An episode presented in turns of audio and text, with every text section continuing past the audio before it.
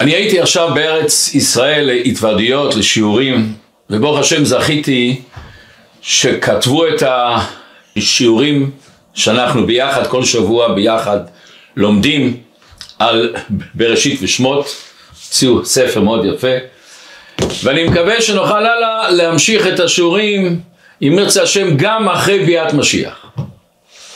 אני פעם שמעתי בשם אחד הקואוצ'ינג הגדולים בעולם, שמה נותן לבן אדם את הערך ואת המשמעות בחיים, מאוד חשוב במשהו ממוקד. זאת אומרת, במשהו מרוכז. יש אנשים שמרוכזים באחרים, אז הוא חי את החיים של אנשים אחרים. כל אחד יש לו איזה דבר שבזה הוא חי. ובזה שאתה ממוקד, אתה משנה את כל החיים שלך. ניקח דוגמה פשוטה מאוד שקורה לנו לפעמים. עשינו פגישה עם מישהו, בא מאוחר. אז אני יכול להיות ממוקד במחשבה, כנראה שלא אכפת לו ממני, לא מעניין אותו השיחה שלנו בכלל.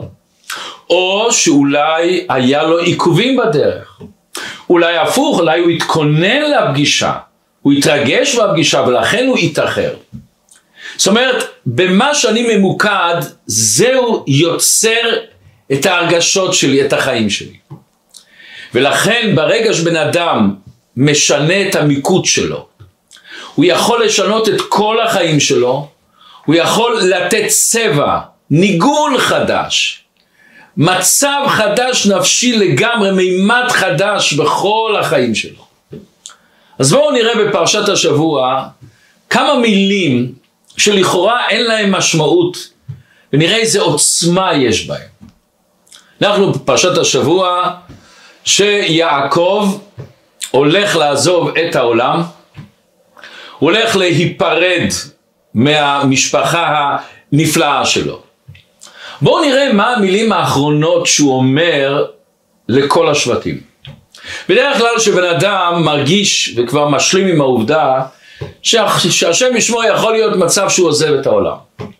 על מה הוא חושב? הוא חושב איזה מסר אני נותן לילדים שלי. חוץ מהצוואה שהוא כותב, שהוא מוריש את הרכוש שלו, אבל איזה מסר? מה קרוב ללב שלי? מה אני חושב שיעזור להם לבנות משפחות יפות? לבנות חיים מאירים. יש הרבה אנשים שלפני הפטירה שלהם כותבים מכתבים לכל אחד מבני המשפחה. יש הרבה שנותנים להם מסרים על התכלית של החיים. אנחנו מוצאים לפעמים ומתרגשים מאוד מגברים שהשם ישמור במצב כזה, מבקשים מהנשים שלהם להתחתן עוד פעם ולבנות עוד פעם את החיים שלהם. ואותו דבר מנשים שמתחננות לגברים שהתחתנו ויבנו משפחה. יש אנשים שמאוד אורגינליים, מסדרים אימיילים שישלחו רק ביום הולדת של כל אחד מבני הבית. או מכינים מכתבים כשהבן או הנכד או הנין יתחתנו ואני כבר לא אהיה שם חס ושלום, אז שהוא יפתח את המכתב באותו יום החתונה.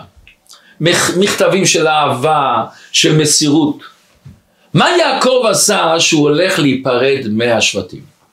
אומרת התורה, ויקרא יעקב אל בניו, ויאמר אאספו ואגידה לכם את אשר יקרא לכם באחרית הימים.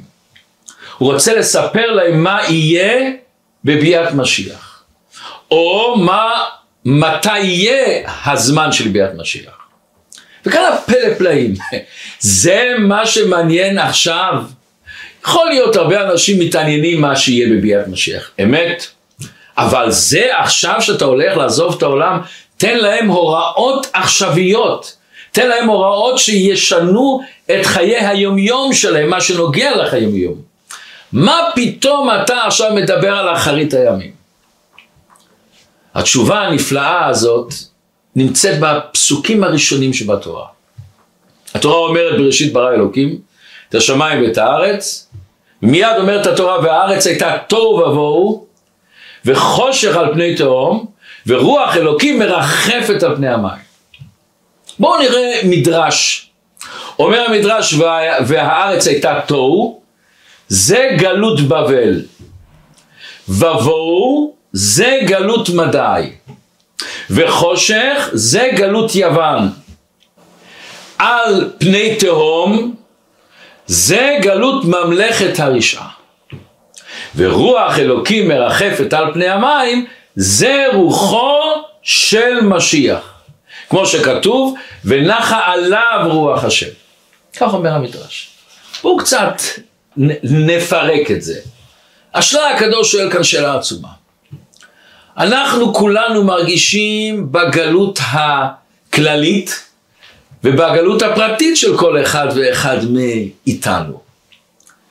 כל אחד יש לו את התוהו ובוהו ואת החושך שיש לו בגלות הכללית של עם ישראל ובגלות הפרטית שלנו. מה התורה מספרת לנו בבריאת העולם את הגלויות שהולכות להיות? מה זה שייך לבריאת העולם? אנחנו עומדים פה, מתרגשים מאוד מאוד מבריאה נפלאה שהקדוש ברוך הוא בורא, את האור, את השמיים, את המאורות. מי שככה קורא את הפסוקים ומתחיל לדמיין בריאה יש מאין, אין שום דבר ופתאום נברא, איך פתאום נכנס פה הגלויות? שיבואו הגלויות יהיה גלויות, מה זה קשור לבריאת שמיים וארץ? עוד שאלה, מה זה ורוח אלוקים מרחפת על פני המים? זה רוחו של משיח. אנחנו מבינים שמה זה משיח? משיח שיש בעיות, המשיח יפתור אותן. בבריאת עולם אין שום בעיות. אין עוד בני אדם בכלל, ריבונו של עולם. השם בורא את האור, השם בורא את כל הבריאה. כשיבוא הגלויות, כשיבואו הצרות, אז נתפלל שהמשיח ישור שיפתור לנו את הבעיות. עכשיו אין שום בעיות, הכל אור, הכל מאיר, הכל נפלא. מה עכשיו שייך הגלויות ומה שייך עכשיו זה רוחו של משיח. אומרת תורת החסידות, מה הנקודה פה? מה העומק פה? אומרת התורה, הגלות, המשיח, זה לא פתרון של בעיות. יהיה בעיות, אז נראה איך פותרים אותם עם משיח. זה לא תוכנית מגירה שהקדוש ברוך הוא עשה, שאם יהיה בעיות, אז נביא את הגאולה, אז נביא את המשיח. אבל אם לא, אז מה צריכים את המשיח? כל תכלית בריאת העולם, לפני שהקדוש ברוך הוא בורא את העולם, שהקדוש ברוך הוא אומר, והארץ הייתה תוהו ובוהו וחושך על פני תהום, עוד לפני שכתוב את המאמר הראשון שהקדוש ברוך הוא אמר שיהיה אור, כבר אז השם יצר את הגלות.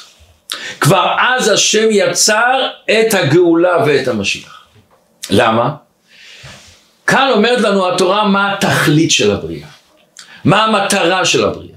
למה אנחנו חיים ריבונו של עולם? למה אנחנו אוכלים ושותים וחיים ושמחים ולפעמים לא כל כך שמחים? מה המטרה של העולם? בא הקדוש ברוך הוא ואומר, נתהווה הקדוש ברוך הוא להיות לו דירה בתחתונים. מה זאת אומרת דירה בתחתונים? ולמה המשיח זה השיא של דירה בתחתונים? אנחנו יודעים שהיה חושך, וחושך על פני תהום לפני שהוא עשה אור. מה התכלית של החושך? מה המטרה של החושך? התכלית של החושך לגלות את האור. אנחנו לא יכולים ליצור אור אם אין חושך. אנחנו איננו יכולים למצוא תשובה אם אין שאלה. אנחנו לא יכולים להשלים את החיסרון להיות שבעים אם אין לנו את הרעב בחיים שלנו. זאת אומרת כל המציאות של חושך נוצרה בכדי שיתגלה לי האור. אומר הקדוש ברוך הוא וחושר על פני תהום, למה? הצמצום הזה, ההלם הזה, ההסתר הזה, נוצר בכדי שיהיה אור. השם ברא עולם. מה הפירוש של המילה עולם? עולם כתוב בחסידות זה לשון העלם, הסתר. השם מטביע את עצמו בעולם, לכן זה טבע מטביע את עצמו בעולם, מכסה את האלוקות. ושלכאורה נראה לנו כאילו הוא סותר את האלוקות, אתה לא רואה את האלוקות לכאורה. בא הקדוש ברוך הוא ואומר, לא, אני כבר בזמן בריאת העולם אני יוצר את הגלות, אני יוצר את גלות בבל וגלות מתי וכולי וכולי, אבל כבר אז אני יוצר את רוחו של משיח. כל תכלית הבריאה זה הצמצום הזה, החושך הזה, בכדי שיצא האור. הספקות האלה בכדי שיהיה את הפתרון. הבעיות האלה בכדי שנמצא את היצירה הגדולה. כל היצירות הגדולות בעולם נוצרו מהרגשת החיסרון. אם בן אדם לא היה מרגיש חיסרון, הוא לא היה יוצר את כל הדברים הנפלאים שהוא יצר. והשם לא רק זה, השם יצר, אה, זרה בכל יהודי ניצוץ של משיח. לא שמשיח רק יבוא בסוף הזמן שהוא צריך לבוא בסוף הבריאה שאת צריך להתגלות משיח, לכל אחד יש ניצוץ המשיח. אבל הניצוץ של משיח הזה מכוסה. הניצוץ של משיח הזה מכוסה באגו, בתאוות, בכעס, בקנאה, בתשוקות אה, לא נורמליות של בן אדם, הוא מכסה עליהם. אומר הבעל שם טוב, כל יהודי יש לו ניצוץ של משיח. יותר מזה, אומר המגיד מקוזניץ, רב ישראל אופשטיין, שהיה חי בשנת תצ"ז עד תקע"ה. הוא היה מתלמידי המגיד, מתלמידי רב אלימלך מליזנץ. הוא אומר, כל התעוררות שיש לאדם בחייו, הן בתורה הן בתפילה, זה מחלק המשיח שלו. זאת אומרת, לכל אחד יש ניצוץ של משיח. וכמו שהרבה אומר את זה כל כך נפלא, רבה אומר, אנחנו כל שנה, ראש השנה, יום כיפור, בחגים, שפותחים את הארון, שזמן של התעוררות, זמן של עת רצון שכתוב בספרים, שבזמן שפותחים את הארון זה זמן להתפלל ולבקש על מה שרוצים. אנחנו אומרים, ריבונו של עולם, ואנחנו אומרים את השם, את השם שלנו, מבקשים עלינו, על המשפחה שלנו, ובאמצע אומרים, והתקיים בנו מקרא שכתוב, ונחה עליו רוח השם, שיהיה עלינו רוח השם, רוח חוכמה ובינה, רוח עצה וגבורה. על מי נאמר הפסוקים האלה? הפסוקים האלה נאמרים הנבואה על המשיח, שעל המשיח יהיה רוח חוכמה ובינה, רוח עצה וכולי. עד כדי כך שבפוסקים היה שלהם מותר להגיד את זה, אני מדבר על עצמי שאני משיח. אבל אמרו מכיוון שנהגו להמשיך לענות. אומר הרב, הוא אשר דיבר הבעל שם הקדוש, שלכל יהודי יש ניצוץ של משיח. והוא צריך לגלות את הניצוץ של משיח. ברגע שאתה מגלה אותו, יצרת חלק מהגאולה. גאלת את עצמך, יצאת מההגבלות שלך, מהקופסה שלך, מהצמצומים שלך. יש סיפור על אחד האדמו"רים, שאני לא זוכר מי זה היה, שהיה איזה בן אדם שפגש אותו באמצע השואה. ואמר לו, אנשים נהרגים על קידוש השם. אבל הוא אומר, אבל יש לי אליך שאלה, נכון שהם נהרגים בגלל שהם יהודים, אבל זה לא בחירה. ואצלו היה בראש מה זה נקרא למות על קידוש השם, שאומרים לך או תשתחווה לעבודה זרה, או שחס ושלום אתה צריך לקפוץ לאש, והבן אדם אומר אני לא הולך ואני מוכן למות על קידוש השם, זה נקרא קידוש השם. אבל כשהורגים את היהודי ואין לו בחירה, למה זה נקרא קידוש השם? אז סתם בסוגריים, הרבה פוסקים אומרים שבעצם זה שהורגים אותך בגלל שאתה יהודי זה כבר קידוש השם. אבל הוא אמר, אבל לכאורה זה לא המעלה של קדושה. אומר לו אותו הרב בדבר נפלא. אומר לו, אתה מאה אחוז צודק. זה לא נקרא השיא של קדוש השם. אבל אני אגיד לך מה יהיה השיא. שאתה אם ירצה השם תעבור את השואה ותישאר חי בשואה ועם כל מה שעברת בשואה אתה תמשיך להניח תפילין תמשיך לשמור שבת תמשיך להדליק נרות חנוכה תמשיך לקיים תורה ומצוות, זה הקידוש השם. הקידוש השם שיש לך מכסים, צמצומים, העלמים, יש לך עולם שמעלים עליך, ואתה ממשיך לקדש את השם. זה מה שאומר הבעל שם טוב, לכל אחד יש ניצוץ של משיח. יש ספר מאור עיניים של רב רב מנחם נוחם מצ'רנובל. הוא היה מתלמידי הבעל שם טוב, הוא ייסד את חסידות צ'רנובל. והוא כותב שהבעל שם טוב אומר עוד דבר, משיח הוא נשמה כללית, הוא קומה שלמה. כל אחד מנשמות ישראל, משישים ריבו נשמות ישראל, יש בו ניצוץ של משיח.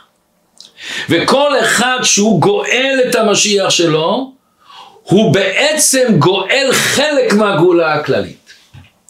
וכשהמשיח, מתי הוא יבוא? שיתאחדו כל החלקים של משיח שנמצא אצלי ואצל כל אחד ואחד מאיתנו, ונגאול את עצמנו, אז יהיה הגאולה השלמית. לכן נפלא. כתוב כשמשיח יבוא כל אחד יראה את החתיכת פאזל שלו. את החלק מהתמונה, את החלק מהגילוי האלוקי שהוא יצא. וזה הכוונה הפנימית שהרבא מסביר, שהרמב"ם אומר, שכל בן אדם צריך להרגיש את כל העולם שקול, עשה מצווה אחת, הרי הכריע את עצמו ואת כל העולם כולו לכף זכות. והרבה שואלים, מה, מה פשט מכריע את כל העולם לכף זכות?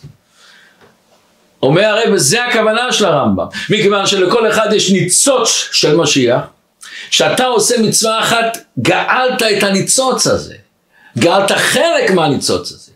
אז אתה עכשיו מכריע את כל העולם לכף זכות. בסך הכל כשהמשיח יתגלה, החלק שלך, הוא יקבע אם משיח בא או לא בא. אני אספר לכם סיפור נפלא ששמעתי מהרב ישראל מאיר לאו. הוא סיפר ש... שהיה פעם בזמנים ההם היה שואה והיה ישיבה ובתוך הישיבה הזאת היה ראש ישיבה שאהב את התלמידים שלו מאוד. הוא אמר לכל אחד מי שיכול לברוח שיברח. והרבה ברחו אבל היה לו תלמיד אחד שהוא מאוד אהב אותו והוא גם ברח. אחרי השואה אותו הבחור הזה שומע שלראש ישיבה הזה היה בת והיא כל כך כעסה שאבא שלה נרצח אצל הנאצים שהתחתנה עם גוי יש לה ילד שולחת אותו לבית ספר נוצרי הולכים להתפלל בכנסייה נורא ואיום. ניסה לכתוב לה מכתבים, התקשר אליה, ורק כשהיא שמעה אותו, מיד סגרה לו את הטלפון. הוא החליט שאני בא לבלגיה. בא לבלגיה וביום ראשון, אחד הימי ראשון, הוא לקח טקסי ונסע לכפר שהייתה חיה על יד קנט. הוא בא אליה הביתה, דופק בדלת, היא פותחת את הדלת ורואה אותו, מיד היא תפסה, אה, זה שמתקשר אליי, זה התלמיד של אבא שלי שרוצה לשכנע אותי לחזור בתשובה ולחזור לעם ישראל, סגרה לו את הדלת בפנים. מה עושים? ממשיכים לדפוק. דופק, דופק, דופק, ובסוף היא נשברה, עוד פעם פותחת וצועקת, צועקת, מה אתה רוצה? אני לא רוצה לחזור, אני התנתקתי מהיהודים, תעזור, תיתן לי לחיות, וסוגרת את הטלפון. מה עושים? עוד פעם דופקים. ושוב פעם הוא דופק בדלת, ושוב פעם, אחרי חצי שעה שהוא עומד שם בחום הזה, בחוץ, היא פותחת ושוב צועקת, צועקת, צועקת, צועקת. באמצע צעקות כבר נגמר לה החמצן, היא הפסיקה לרגע, רצה להכניס אוויר. אז אומרת, תסלחי לי, אני עומד כאן בחום, עומד על הרגליים, אולי את יכולה להביא לי כוס מים. הפינטלאית של הניצוץ היהודי שלה נדלק. אז היא לו, אוקיי, אבל אתה בחוץ. אני בחוץ. הלכה, הביא לה את הכוס מים, ואז הוא אומר לה, את יודעת, הרגליים שלי כל כך כאבות, אם לא קשה לך, להביא לי גם כיסא שאני אשב בחוץ. ושוב הניצוץ היהודי, הניצוץ של משיח, התעורר בה. ואז היא אומרת לו, אוקיי, בוא, אני אכניס אותך הביתה, אבל בתנאי אתה לא מדבר איתי שום דבר שאני אחזור בתשובה, שאני אחזור לעם ישראל, לא רוצה שום דבר לדעת. אוקיי. אז הביתה מתיישב, לוקח את הכוס, עושה את הברכה בכוונה גדולה שהכל נהיה בדברו. הוא אומר, אני רק רוצה לשמוע איך אבא שלך, שהוא כל כך אהבתי אותו, שהיה כמו אבא שלי, איך הוא נפטר. אז היא מספרת לו את כל הסיפור שהוא התפלל, והנאצים נכנסו, היה עם התפילין ועשו מה שעשו. הוא שומע והוא בוכה והיא בוכה ושתיהם בוכים, ואחרי זה הוא גומר, הוא אומר, אוקיי, הבטחתי, אני לא מדבר, הוא קם ורוצה ללכת. וכשהוא הולך לכיוון הדלת, הוא מסתובב ואומר לה, רק אני רוצה להגיד לך שהמפתח נמצא אצלך. מפתח? והוא ממשיך ללכת. והוא אומר, איזה מפתח? הוא ממשיך ללכת. ויראה, איזה מפתח? הוא אומר, המפתח, המפתח נמצא אצלך. איזה מפתח אתה מדבר בכלל? לא יודעת איזה מפתח אתה מדבר. התחילה לחשוב, אולי יש כספת, שיש כסף, מי יודע? והוא עומד על יד הדלת והיא שוב רצה לך ועוד פעם איפה המפתח, איזה מפתח, איזה מפתח.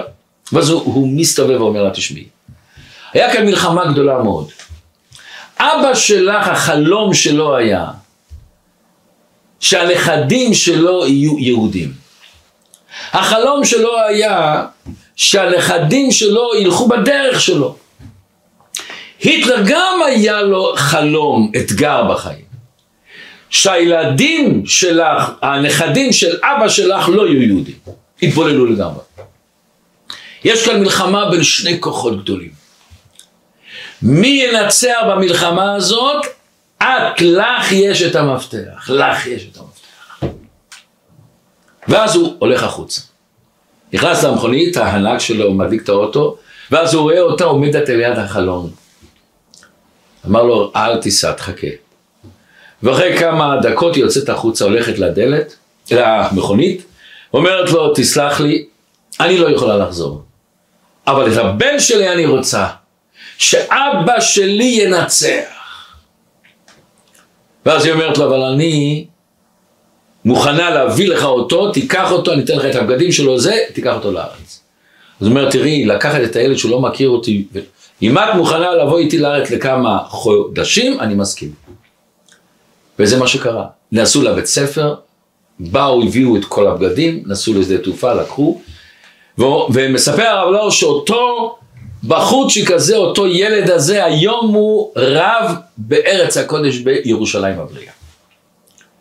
המפתח לביאת משיח נמצא אצל כל אחד מאיתנו. ויש כאן מלחמה עצומה בין היצע הרע לבינינו. בין היטלר לאבות שלנו. בין אותם הנוצרים באינקוויזיציה לכל הסבות שלנו. זה מלחמה שנמשכת דורות, דורות, דורות, דורות, דורות. והמפתח נמצא אצלנו.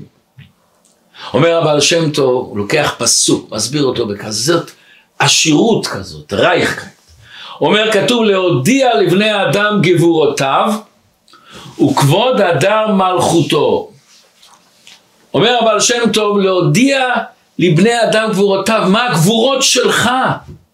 מה העוצמות שיש לך? מה הכוחות שיש לך?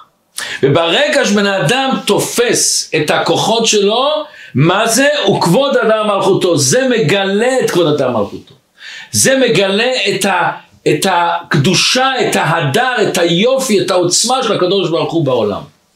כשבן אדם מצליח לחיות בעולם ולעבור את כל הגלויות שיש לו, לכל אחד את הגלויות שלו, והוא מזה צומח מזה, מגלה את כבוד השם. יש פסוק בישעיהו, העם ההולכים בחושך ראו אור גדול.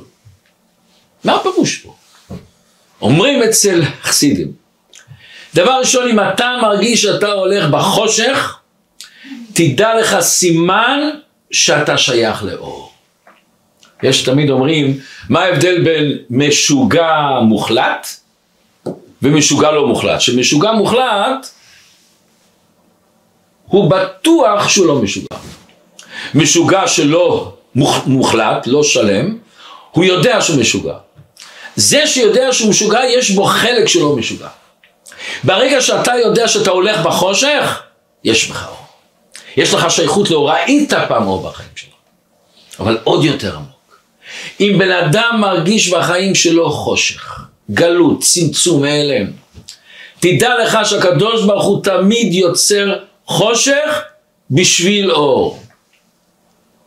תמיד כל המטרה של הקדוש ברוך הוא שיהיה אור מהחושך. לכן בהתחלת הבריאה וחושך על פני תהום, ואחרי זה ויאמר לו כי מי יהיה אור. סימן שהאור נמצא על ידך. אתה רק צריך לחפש אותו. פעם מישהו כתב כמה משפטים, אני מאוד התרגשתי מזה.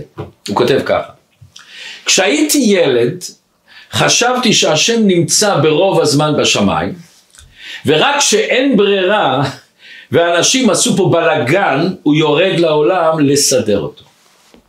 כשגדלתי הבנתי שאין מקום שהשם לא נמצא שם. בראש בראשונה הוא שוכן בכל אחד בלב שלו. והבנתי פתאום שהפלא הגדול, האיפוק של הקדוש ברוך לא להשתמש בכוח שלו, ולא לסדר את העולם כמו שהוא רוצה, ולא אפילו לשנות את האנשים שהם יהיו כמו שהוא רוצה. מכיוון שהשם רוצה שיהיה לנו בחירה. והשם רוצה שנגלה אותו אנחנו, לא מלמעלה, אנחנו נגלה אותו בכל מקום ובכל מצב. נורא מעניין כשבן אדם עולה אל השמיים אחרי 120 שנה, שואלים אותו כמה שאלות. שואלים אותו נסעת ונתת באמונה, בביזנס היית ישר, קבעת עיתים לתורה, עסקת בפרייה ורבייה, והשאלה הבאה, ציפית לישועה. כתוב בספרים, מה הפירוש של המילה הזאת ציפית לישועה?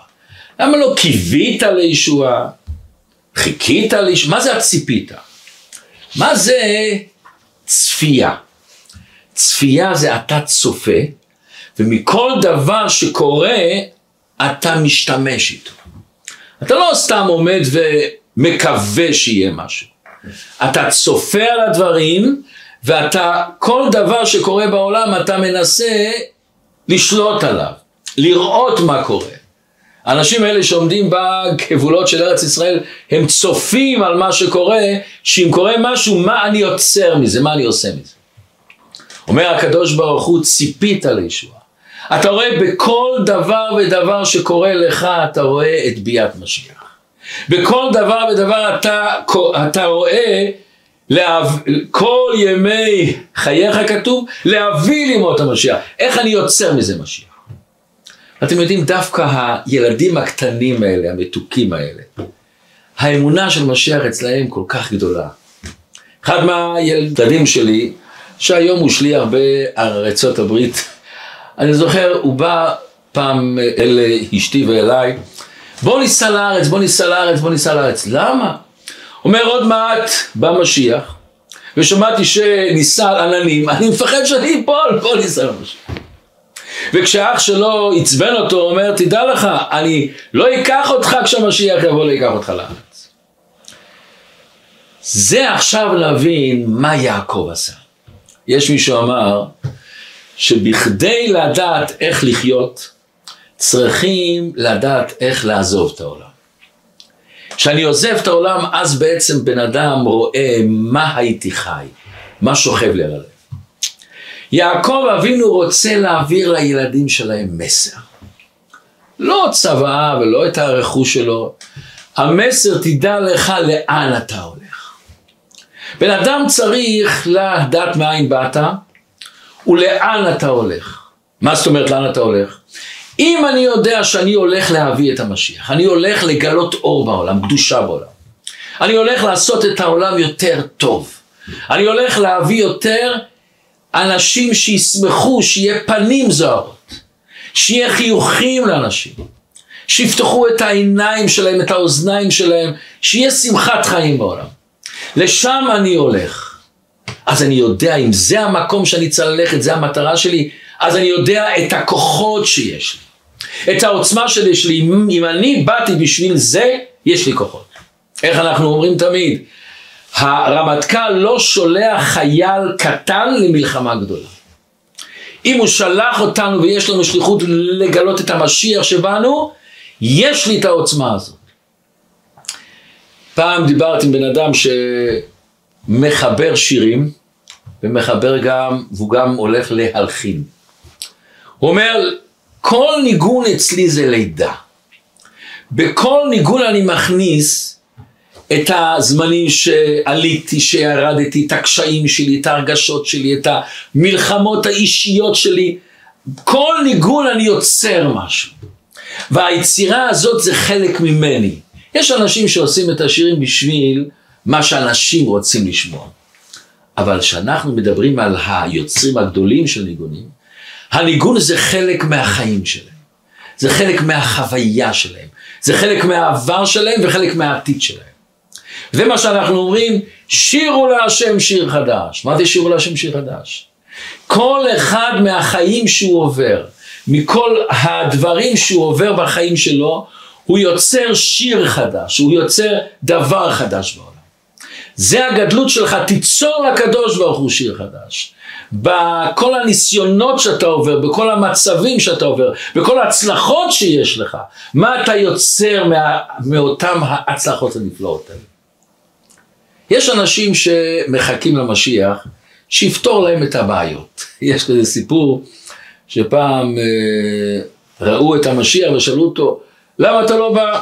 אז אני אגיד לכם, אני שמעתי את יצחק, שיש לו חור בתקרה והגשם נשפך, זה אומר, בני של אלוהים, תביא את המשיח כבר, תביא את המשיח. מישהו בא ואומר, יש לי עכברים בבית ואני שמתי כבר אה, סם כזה וסם כזה, זה לא עוזר, ריבנו שלנו, תביא את המשיח. יש אחד אומר, יש לי בת בוגרת בבית, תביא את המשיח, שיפתור לי את זה. אז אנשים רוצים שאני אבוא הבית, לבוא לעם ישראל, לסתום גגות, בכדי לבאר את העכברים, בשביל זה אני לא בא.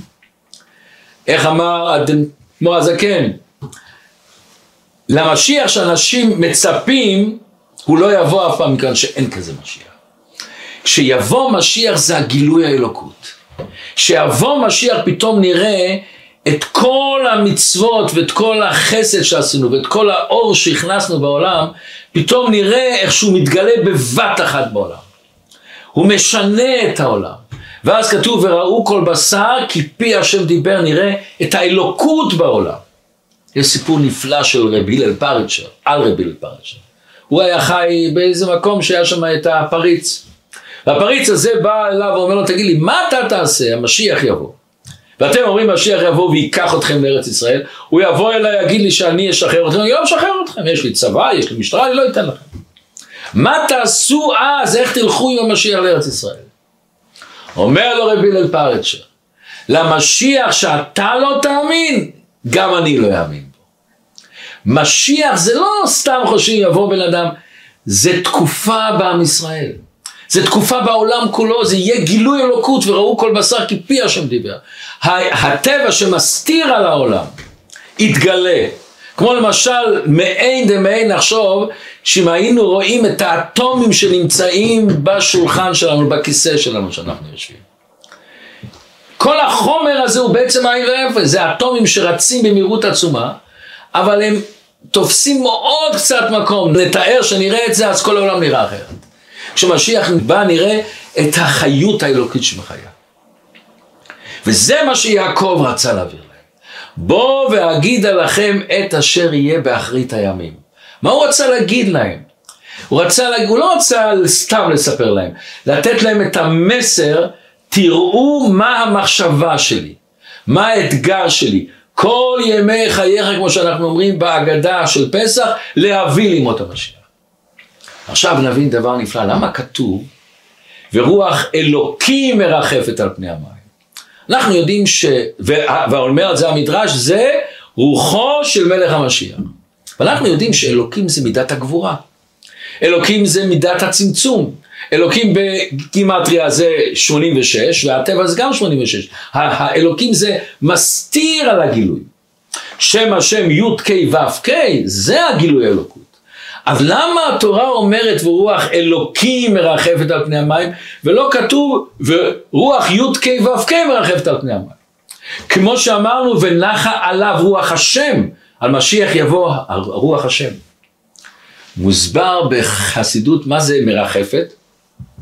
מרחפת אומר הארי הקדוש זה מת רפח, זה אותיות של מת רפח. מה זאת אומרת? היה לנו 288 ניצוצות הקדושה.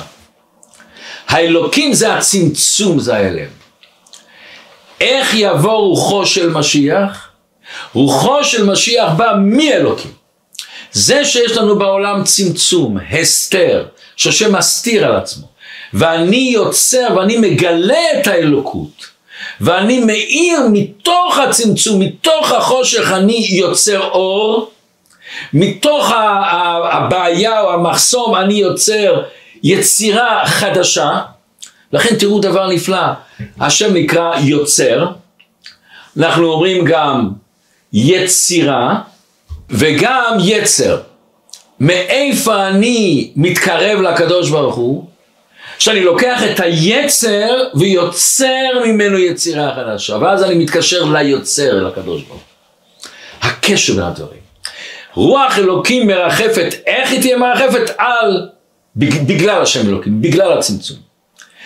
אם אני יוצר ואני מברר את ניצוצות הקדושה, את ה-288 ניצוצות הקדושה, שנפלו אז, ואני מגלה את הגילוי האלוקות, אז אני מגלה. ולסיום בואו נספר בדיחה. היה פעם מישהו שעשה היפנוזה, היה אולם גדול של אנשים, והוא עשה היפנוזה.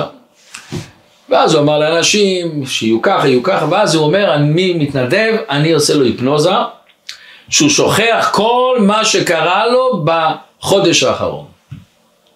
ואז מי מתנדב? אז אחד מהסוף העולם מרים את היד, עולה, עולה, עולה, עולה על הבימה, וכשהוא עולה על הבימה וכל הפרוז'קטורים עליו, רואים מי זה, ואחד צועק, אל תלך בשום פנים, אל, ת, אל תעשה לי היפנוזה, אל תעשה לי היפנוזה. למה לא? מה? אומר, נתתי לו בשבוע שעבר 100 אלף דולר הלוואה, אל תיתן לו בשום פנים. העולם הזה לפעמים מאפנט אותנו. ואנחנו שוכחים את הברוח אלוקים מרחפת על פני המים, זה רוחו של משיח. הרבה פעמים אנחנו מאבדים את הכיוון. זה מה שהתחלנו בהתחלה, אדם צריך להיות ממוקד. דע מאין באת, מה השליחות שלך ולאן אתה הולך, מה המטרה שלך. וכשאתה יודע לאן אתה הולך, אתה יודע מה הערך שלך. שהשם ייתן לכולנו שנזכה בקרוב בקרוב ממש לביאת משיח צדקנו.